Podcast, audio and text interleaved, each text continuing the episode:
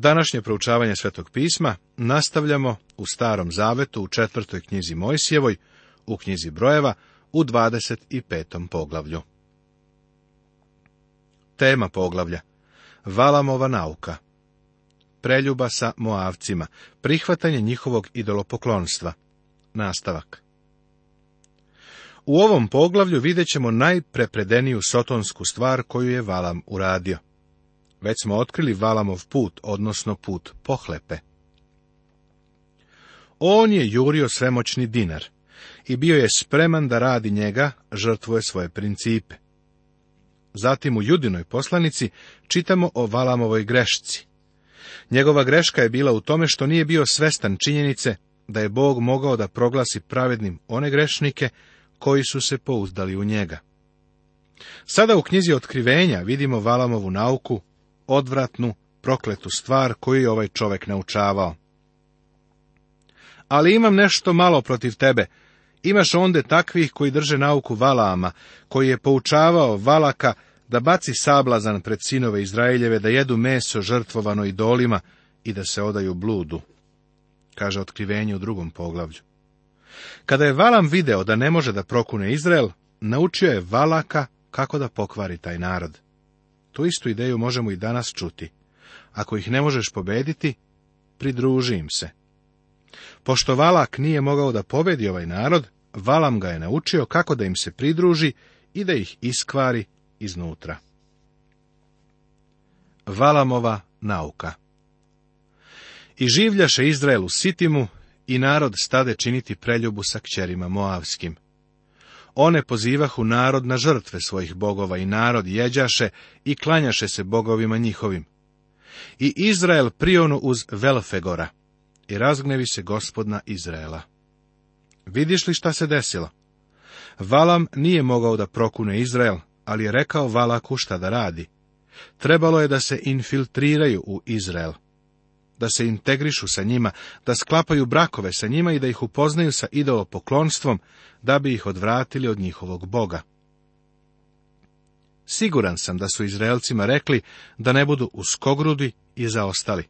Insistirali su na tome da budu širokoumni, pa su pozvali Izraelce da dođu kod njih na njihove proslave. Ali oni sami nikada nisu dolazili na svetkovine Izraelaca. Uvek mi je bilo zanimljivo što neki liberal u crkvi želi da ja, fundamentalista, pređem na njegovu stranu i složim se sa njegovim mišljenjem. Ali nikada nisam uspeo da takvog privolim da pređe na moju stranu i da se složi sa mnom, uprkos tome što je tvrdio da je širokogrud, a da sam ja uskogrud. Vrlo je zanimljivo da ljudsko srce uvek ima tendenciju ka dole, dalje od Boga. Iz tog razloga uspevaju i napreduju religiozne galamđije. Galam je religiozni radio, religiozna crkva, religiozno obrazovanje. Samo poglede kako ljudi sve to podržavaju. Oni se obraćaju običnom čoveku. Iz tog razloga neki ljudi smatraju da sam prilično blesav, što poučavam Bibliju. Ako bi im izložio nešto drugo umjesto Božje reči, takav program bi verovatno uspevao. Vrlo mi je žao što moram da ti kažem da je to baš tako. Valam je znao da Valak može da iskvari ljude tako što će im ponuditi neku veselu religioznu galamu. Mogao im se obratiti i podstaći Izraelce da se okrenu kao obožavanju Vala. I upravo to se i desilo. I reče gospod Mojsiju, uzmi sve knezove narodne i obesi ih gospodu prema suncu, da se odvrati gnev gospodnje od Izraela, i reče Mojsije sudijama Izraeljevim, pobijte svaki svoje koji su prionuli uz Velfegora. Reći ćeš da je ovo radikalan zahvat. Svakako da jeste. A znaš li zašto? Jer je bolest fatalna. Ovo će narod odvratiti od Boga i poslati ih u pakao. Zato Bog preduzima čin milosti da bi spasao izraelski narod. I gle, jedan između sinova Izraeljevih dođe i dovede k braći svoje jednu madijanku na oči Mojsiju i na oči svemu zboru sinova Izraeljevih, a oni zaplakaše na vratima šatora od sastanka. A kad to vide Fines, sin Eleazara, sina Arona sveštenika, usta ispred zbora i uze koplje u ruku. I uđe za čovekom Izraeljcem u šator i probode ih oboje, čoveka Izraelca i onu ženu kroz trbuh i presta pogibije među sinovima Izraeljevim i izgibe od te pogibije 24 tisuće. Vidiš, na ovaj način Valam je mogao da prokune Izrael. To je Valamova nauka. Naš gospod nam u knjizi otkrivenja kaže da ta ista doktrina ulazi u crkvu, a danas se nalazi u crkvi. Moje je mišljenje da neprijatelj spolja ne može da povredi Božiji narod ili da našteti Božijem delu, ili Božjoj crkvi. Crkvi nikada šteta nije nanošena s polja. Crkvi u Pergamu gospod je rekao, ali imam nešto malo protiv tebe.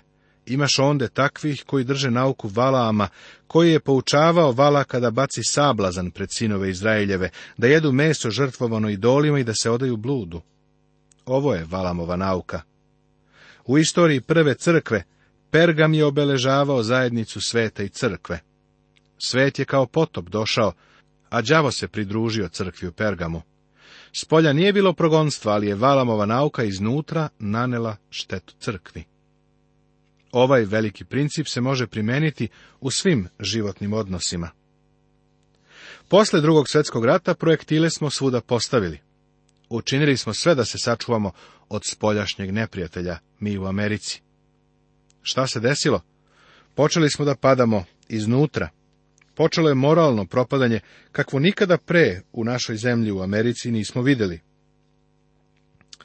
Danas vidimo da postoje revolucionari unutar našeg naroda. Uništavamo se iznutra. Rimsko carstvo nije palo s polja. Nijedan spoljašnji neprijatelj nije uništio Rim, nego je Rim iznutra pao. Da li si ikada primetio da je gospod Isus bio izdat iznutra? Nije ga izdao rimski vojnik. Jedan od njegovih apostola ga je izdao.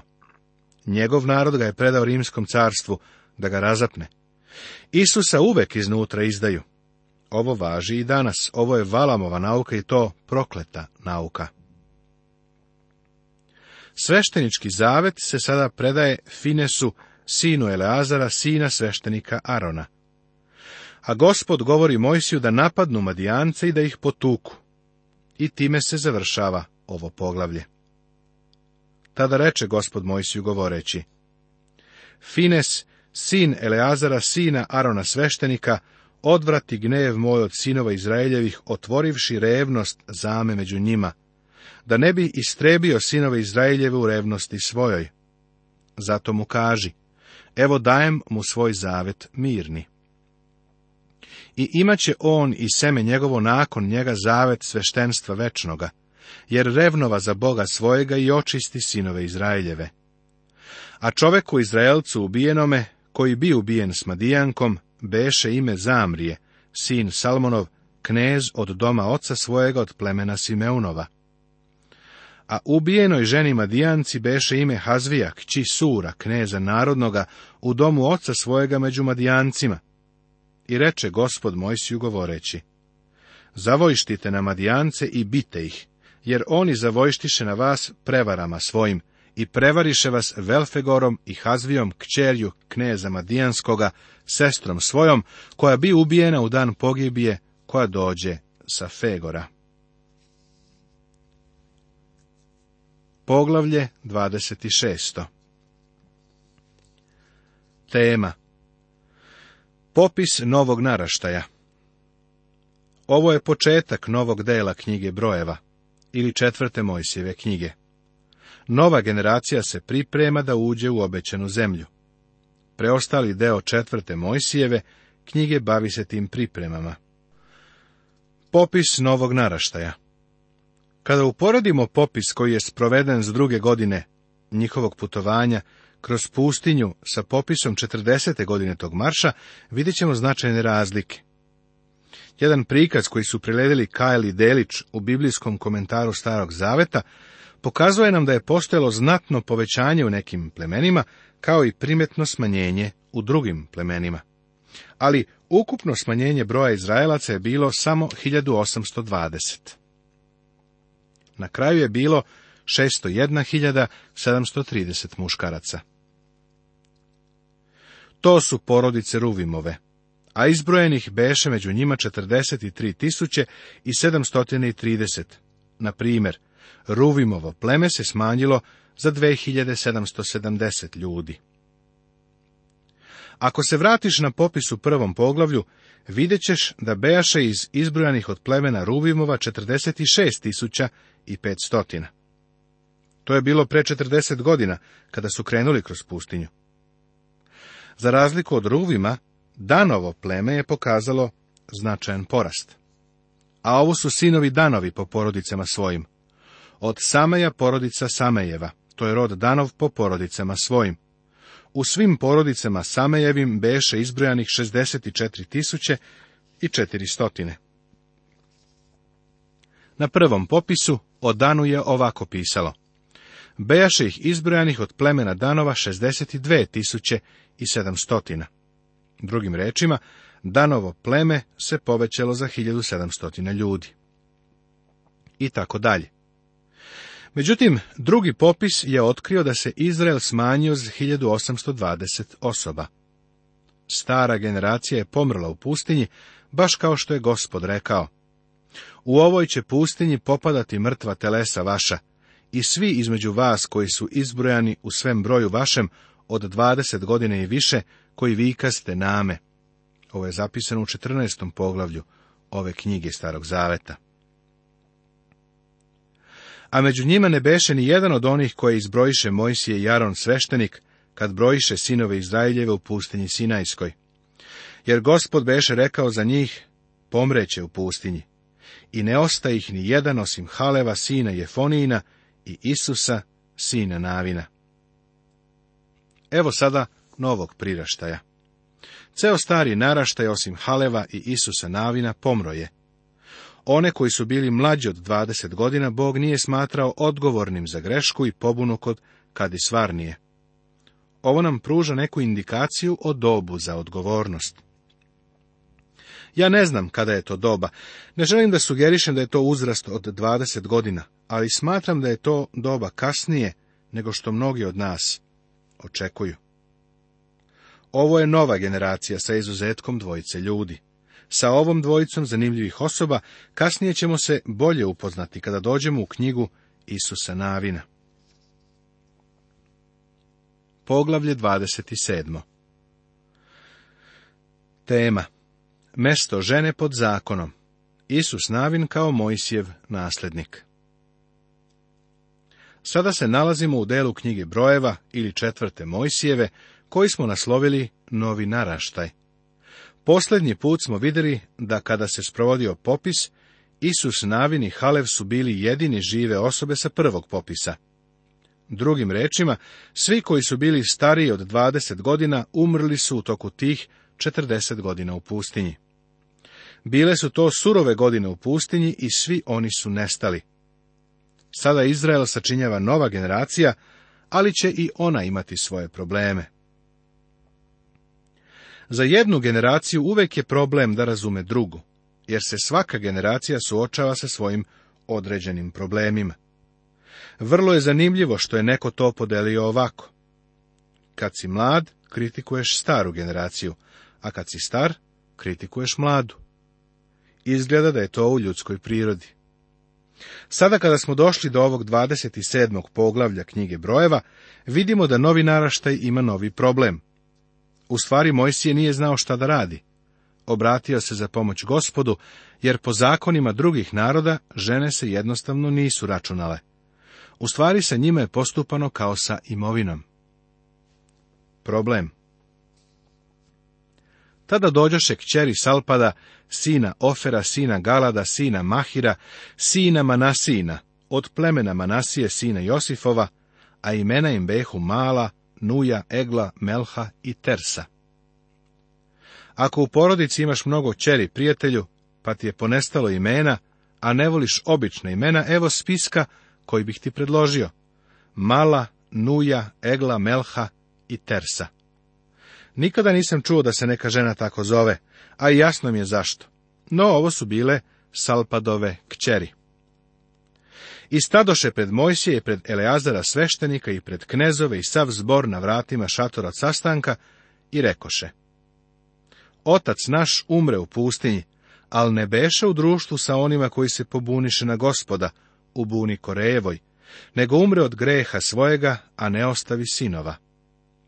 Zašto da se istrebi ime oca našega iz porodice njegove, zato što nije imao sina? Daj nam nasledstvo među braćom oca našega i iznese Mojsije stvar njihovu pred gospoda. Vidiš problem. Ovaj čovjek Salpad je umro u pustinji, imao je pet kćeri, a nije imao sinova. Prema Mojsijevom zakonu izgledalo je da je sin taj koji nasleđuje imanje, žene su bile izostavljene. Nisu se računale. Šta sada da rade? Salpadove kćeri su bile agresivne. Danas vrlo mnogo slušamo o pravima žena. U Bibliji su one svakako dobile svoja prava. Neki su pre dosta godina rekli da je Biblija muška knjiga. Međutim, što više čitam Bibliju, više uviđam da Božja reč ženama daje prava. Verujem da žene i treba da imaju svoja prava. je zaista nije znao šta da radi. Pretpostavljam da im je rekao, pa devojke, ne znam šta da vam kažem, vidim da ste došle sa pravednim razlogom, ali prema današnjim zakonima i običajima vi ne treba ništa da dobijete. Ali Mojsije je njihov slučaj izneo pred Boga. Bog prihvata njihovu molbu. A gospod reče Mojsiju govoreći, pravo govore kćeri Salpadove, podaj im pravo da imaju nasledstvo među braćom oca svojega i prenesi nasledstvo oca njihova na njih. Vidiš, Bog je na strani ženskih prava. Ovo je jedan od najdivnijih zakona koji bismo mogli zamisliti. Živimo u vremenu kada je ovakvo upravljanje obična stvar. Teško nam je da se vratimo u to vreme kada su žene tretirane poput imovine. Misionari koji rade među plemenima na reci Orinoko nedavno su mi pričali kako se devojčica prodaje čoveku čak i pre nego što napuni deset godina. Prodaju ih kao stoku. Ovaj običaj još uvek postoji među primitivnim plemenima. Svaka žena danas treba da bude zahvalna Bogu jer je Biblija prva ženi dala njena prava. Mislim da je to divno. Pravo govore kćeri Salpadove, podaj im pravo da imaju nasledstvo. Na osnovu toga Bog za njih postavlja princip i zakon. A sinovima Izraeljevim reci, kad ko umre, a nema sina, onda prenesite nasledstvo njegovo na kćer njegovu, ako li ni kćeri njema, onda podajte nasljedstvo njegovo braći njegovoj. Ako li ni braće nema, onda podajte nasljedstvo njegovo braći oca njegova. Ako li nema ni braće očine, onda podajte nasljedstvo njegovo onomu komu je najbliži u rodu njegovu i neka je njegovo. I to neka bude sinovima Izraeljevim zakon za suđenje, kako zapovedi gospod Mojsiju. Ovo je izvanredan korak napred, a načinjen je 1500 godina pre nego što je Hristos došao na ovu zemlju. Divim se upornosti i naprednosti ovih žena. Ovih pet devojaka je želelo da dobiju nasljedstvo svoga oca. To nije bio tadašnji običaj niti pisani zakon. Zato su one verom tražile i po veri Bog im je dao nasljedstvo. U ovome za sebe pronalazimo divnu lekciju piše da smo u Hristu blagosloveni svim duhovnim blagoslovima na nebesima. Verujem da nas Bog čuje i uslišava, ne samo u vezi sa duhovnim blagoslovima, nego i u vezi sa materijalnim stvarima. Mišljenja sam da je većina nas više ili manje siromašna, zato što ne dolazimo Bogu kao njegova deca i ne molimo ga. Bog želi da bude dobar prema nama. U mom hrišćanskom životu uvek sam oklevao da tražim od Boga materijalne stvari. Kada sam bio na fakultetu, radio sam u lokalnim memfiskim novinama. Primao sam oglase noću. Kada nije bilo oglasa za prodaju kola, izlazio sam i tražio kola. Ako bi se povoljno nagodio, kupio bi ih. Vozio bih ta kola oko godinu dana, a onda ih prodao za onoliko koliko sam ih platio. Kada sam diplomirao, molio sam gospoda da mi da dobra polovna kola. Znaš li šta je gospod učinio? Dao mi je nova kola. Zašto od njega nisam tražio nova kola? Verovatno smo siromašni zato što ne znamo šta da tražimo. Više od ovoga, mi imamo imanja, divna duhovna vlasništva u Hristu Isusu. On bi želeo da ih veri primimo. Salpadove kćeri su došle i tražile imanje koje je pripadalo njihovom ocu. Danas imamo duhovna imanja koja treba da tražimo. Kažimo našem ocu da želimo svoje nasljedstvo i da želimo te duhovne blagoslove. On želi da nas blagoslovi. Kako je divan. Nastavit će se.